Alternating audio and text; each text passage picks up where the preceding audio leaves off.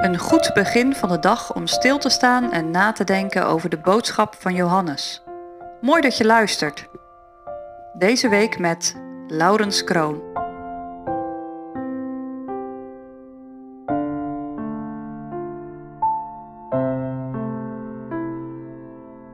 Vandaag denken we na over kennen van de Vader en wij lezen daarbij Johannes 14, vers 7 tot en met 14.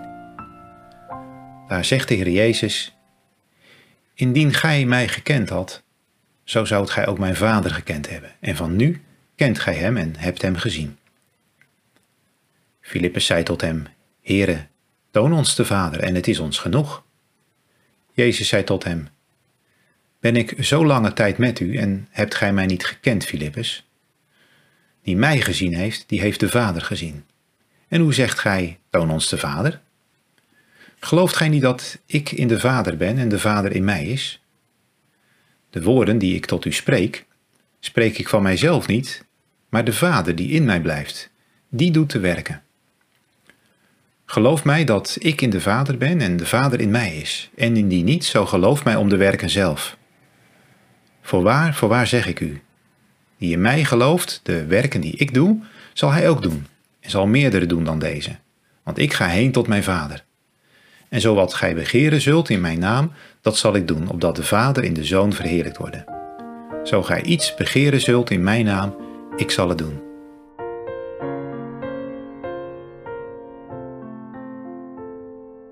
Je kunt als zoon heel erg op je vader lijken. In uiterlijk, in karakter, in doen en in laten. Sprekend zijn vader zeggen we dan. En als dat voor iemand geldt, dan wel voor de Heer Jezus. Hij heeft in zijn leven en in zijn woorden laten zien wie zijn vader is. Als de discipelen goed zouden hebben gekeken en geluisterd, dan hadden ze al veel eerder in Jezus zijn vader kunnen herkennen. Pas nu, zegt Jezus in vers 7, kennen jullie de Vader en hebben jullie hem gezien. Eerder die avond bijvoorbeeld had Jezus in de voetwassing laten zien dat God de Vader tot het uiterste gaat in zijn liefde tot zondaren maar ze hebben het waarschijnlijk niet herkend. Later, als Johannes dit evangelie schrijft, dan blikt hij terug en schrijft hij al gelijk in het eerste hoofdstuk: Niemand heeft ooit God gezien. De enige geboren zoon die in de schoot van de Vader is, die heeft hem ons verklaard. Na Thomas valt nu ook Filippus de Heer Jezus in de rede en zegt: Heere, toon ons de Vader en het is ons genoeg. We zouden uw vertrek naar de Vader wel goed vinden, als we dan maar wel een verschijning van de Vader mogen zien. Dan zouden onze vragen en twijfels over de Vader in één klap over zijn. Nu wordt Jezus even heel persoonlijk richting Filippus. Filippus was een discipel van het eerste uur. Na Johannes zelf, Andreas en zijn broer Petrus, was Filippus de vierde discipel geworden, geroepen door de Heer Jezus. Zo lang trekken we al samen op.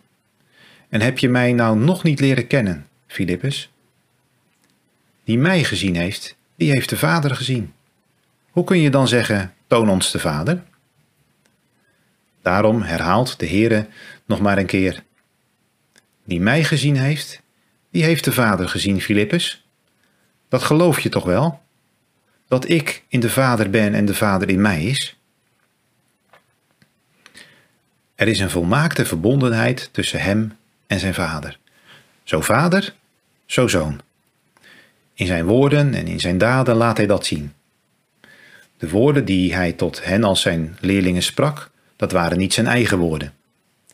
Jezus spreekt niet op persoonlijke titel. Hij is de spreekbuis van zijn vader. En dat geldt ook voor zijn daden.